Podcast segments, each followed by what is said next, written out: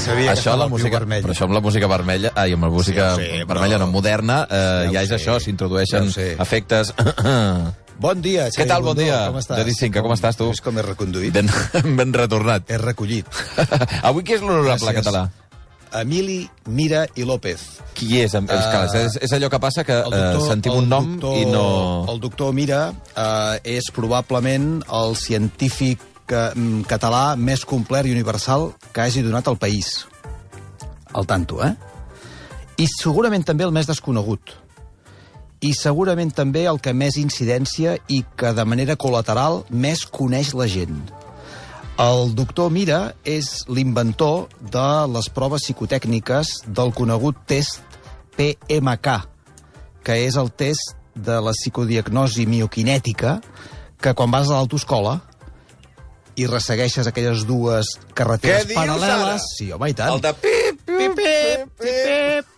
No passa la prova. El doctor Mira, als anys 30, es va inventar un sistema perquè les empreses poguessin, poguessin decidir quins treballadors eren aptes per treballar en un lloc o en un altre i quines aptituds psicotècniques psicològiques tenien.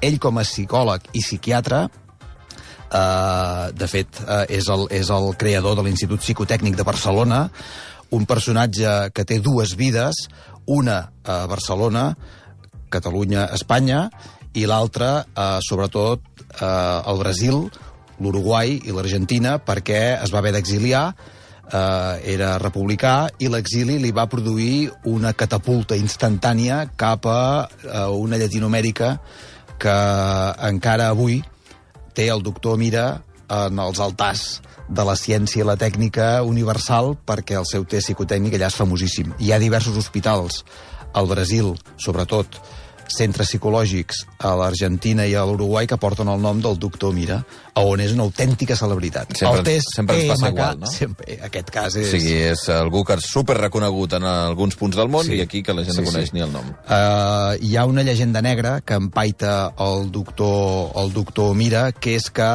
va ser acusat uh, durant la Guerra Civil i posterior en el franquisme, va ser acusat per alguns companys de feina, entre els quals el doctor Ramon Serró, que va ser una mica uh, el, el gran psiquiatre en l'època franquista a Barcelona i a Catalunya, un gran psiquiatre, eh, per cert, uh, van denunciar el doctor Mira perquè l'acusaven d'haver estat un dels creadors de les xeques uh, a Barcelona Què dius ara? uh, sense fonament de proves. El mateix doctor Serró va demanar perdó dècades després a la família per aquella, unes acusacions que es van demostrar que eren, faltes, que eren falses. Aquella llegenda negra va fer que el gran psiquiatre de la República, que era el doctor Mira, s'hagués d'exiliar i que comencés una nova vida, que va començar, per cert, es va iniciar a la Gran Bretanya, quan la Royal Academy li va dir, si plau per favor, vingui i expliqui'ns això d'aquest test psicotècnic que permet seleccionar els treballadors. Per què? Perquè els anglesos sabien que aquest test és l'únic pràcticament al món que no permet que, que, que no permet eh, falsedat. O sigui, no pots no enganyar la no pots enganyar-lo. No pots enganyar-lo. Aquest que hem dit de, la- de Bueno, i- i tant. és un de tants que té Ah, el o test. sigui, O sigui, el test és molt més ampli. El eh? test són moltes variables, però això Són moltes una variables. petita. Es va convertir en un especialista en el test de la, de la, menti, de la mentida. Uh -huh. O sigui, la prova, aquella màquina de la veritat, Sí, sí, sí, sí. forma part d'una aquesta gran prova de test psicotècnic en què és pràcticament infal·lible. El doctor Mira, per tant, sabia molt bé el tipus de persona que tenia al davant a partir dels test, aquests testos que li és que feia. Està, està pensant que hi tan infal·lible perquè jo quan vaig fer la prova aquella pitava per tot arreu. Bé, però això també diu molt de... Bé, no és dolent que piti, que piti Ah, no? per... No. Ah, Aquí hi ha la, la gràcia del Jo tema. estava nerviós Hi ha molta mala cosa, gent dic, no que, per, que per aquest. dir ara faré veure que sóc molt dolent i faré que pico les parets. Sí. El test també sap que tu estàs mentint. ah sí? Sí, sí.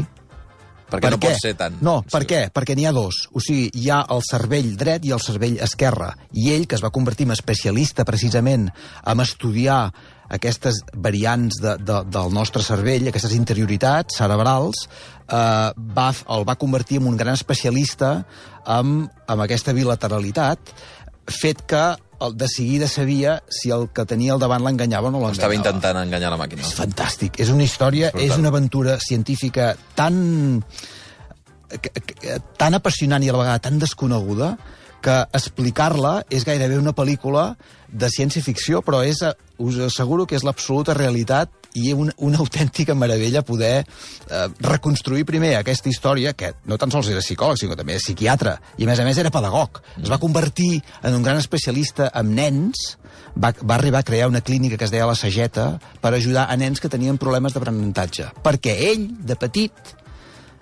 havia tingut problemes d'aprenentatge.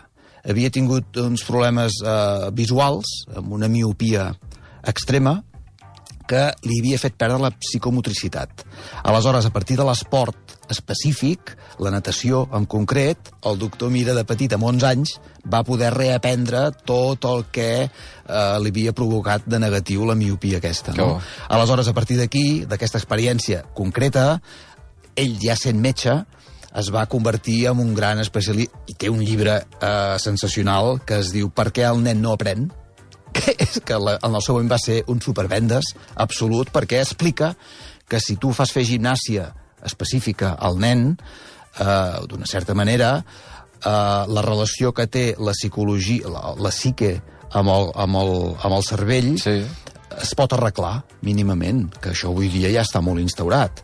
Uh, el doctor Mira, que primer volia ser cardiòleg, i per primer i que per problemes econòmics a casa seva eh, no va poder-ho ser, es va fer psiquiatre, eh, es, va, eh, es va especialitzar eh, a part de fundar la psicotècnica i tot això, i la- l'orientació professional, que ara està- que, en fi, que és una cosa usual a Llatinoamèrica, repeteixo, té un èxit, o sigui, és molt conegut i encara es fan testos per, per entrar a, a, a treballar en un lloc. Això abans es feia molt, aquí als anys 70-80 es feia molt a través dels testos que ell havia preparat.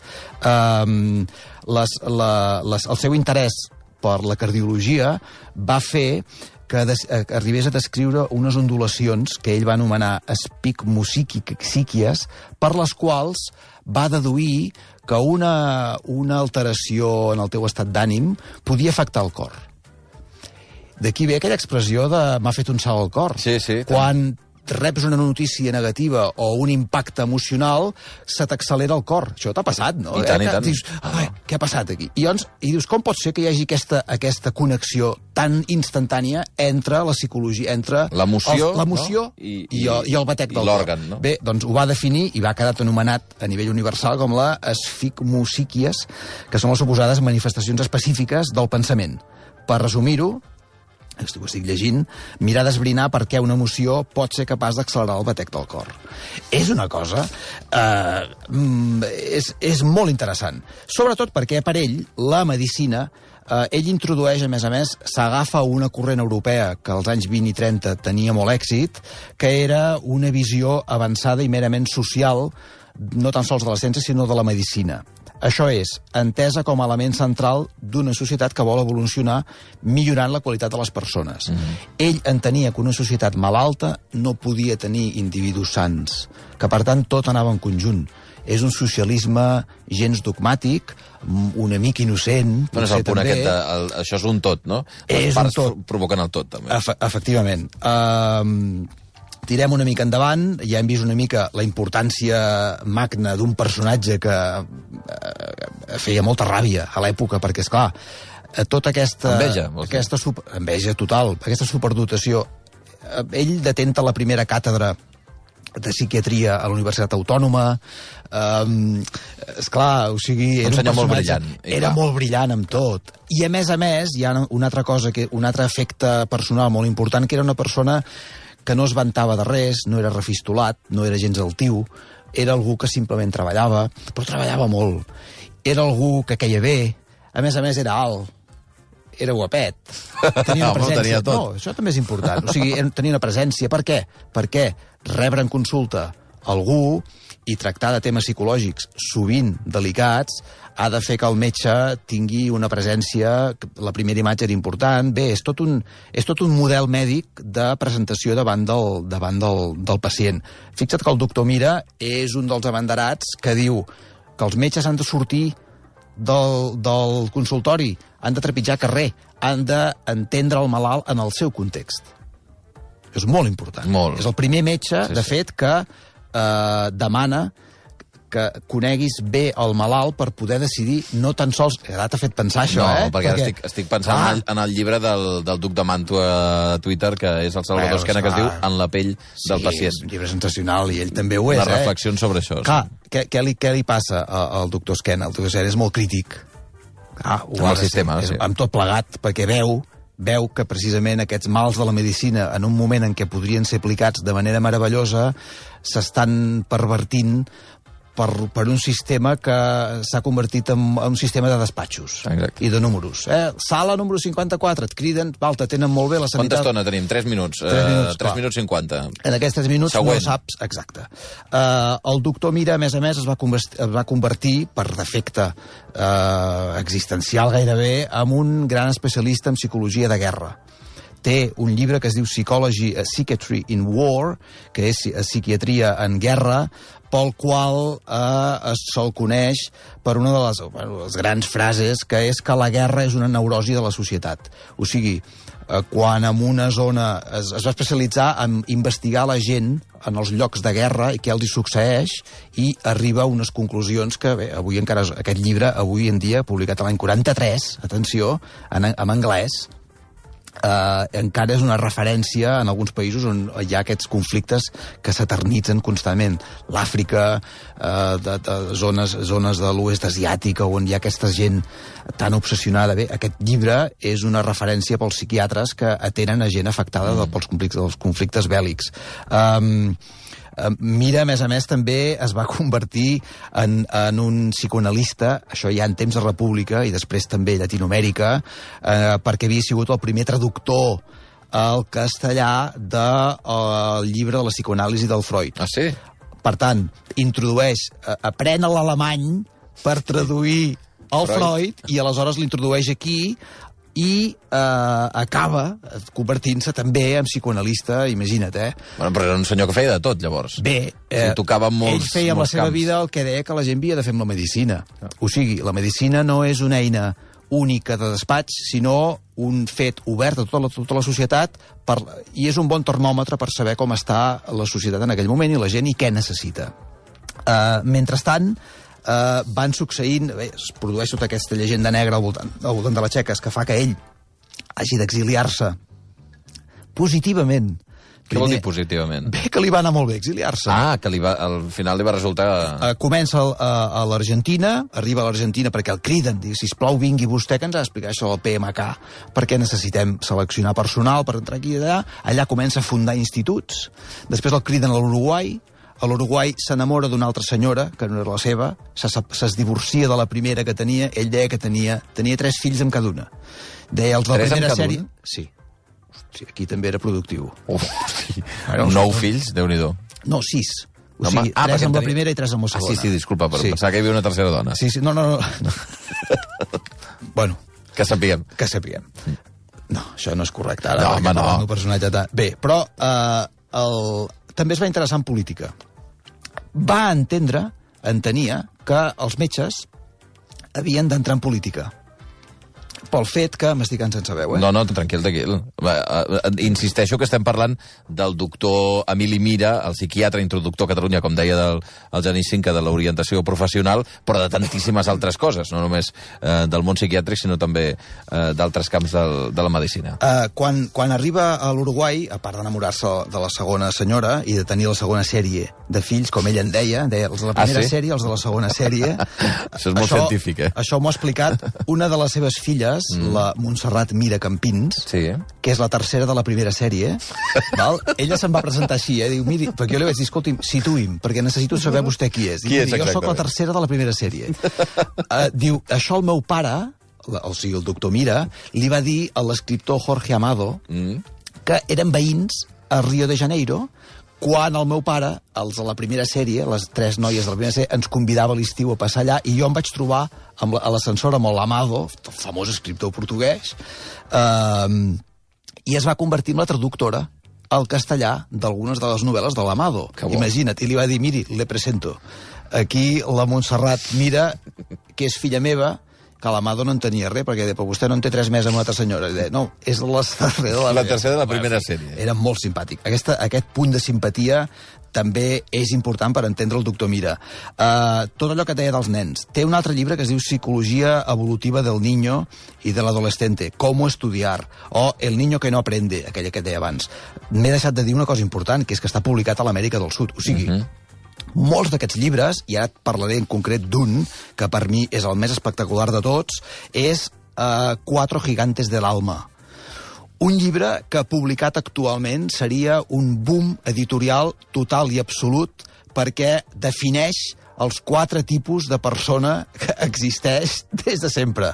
Fet per un psiquiatre, que és el doctor Mira, que és una cosa tremenda. Però això ara es Les- pot, trobar, es pot trobar? Jo el tinc. Ah, tu el tens? Però el tinc ballet, o sigui, el tinc que, que, amb, amb, espores, diguéssim. Ja, ja, ja, ja. ja. El, el tinc, me'l vaig comprar per internet, no sé, i em va venir d'una llibreria de l'Argentina. Carai, Aquest hosti, llibre no trobarem, és, això. encara ara, un llibre que es, es, es ven a les llibreries eh, de, de llatinoamericanes, a l'Argentina, l'Uruguai, al Brasil, a més a més, el Brasil. El doctor Mira és conegudíssim, eh, on defineix, efectivament, els quatre Perfils. el, els quatre perfils eh, de l'ésser humà i què és el que els guia i com fer-ho per solucionar aquest guiatge erroni, en principi, que tenim les persones. Tu em diràs quin ets. Hi ha la ira, Ai, ai.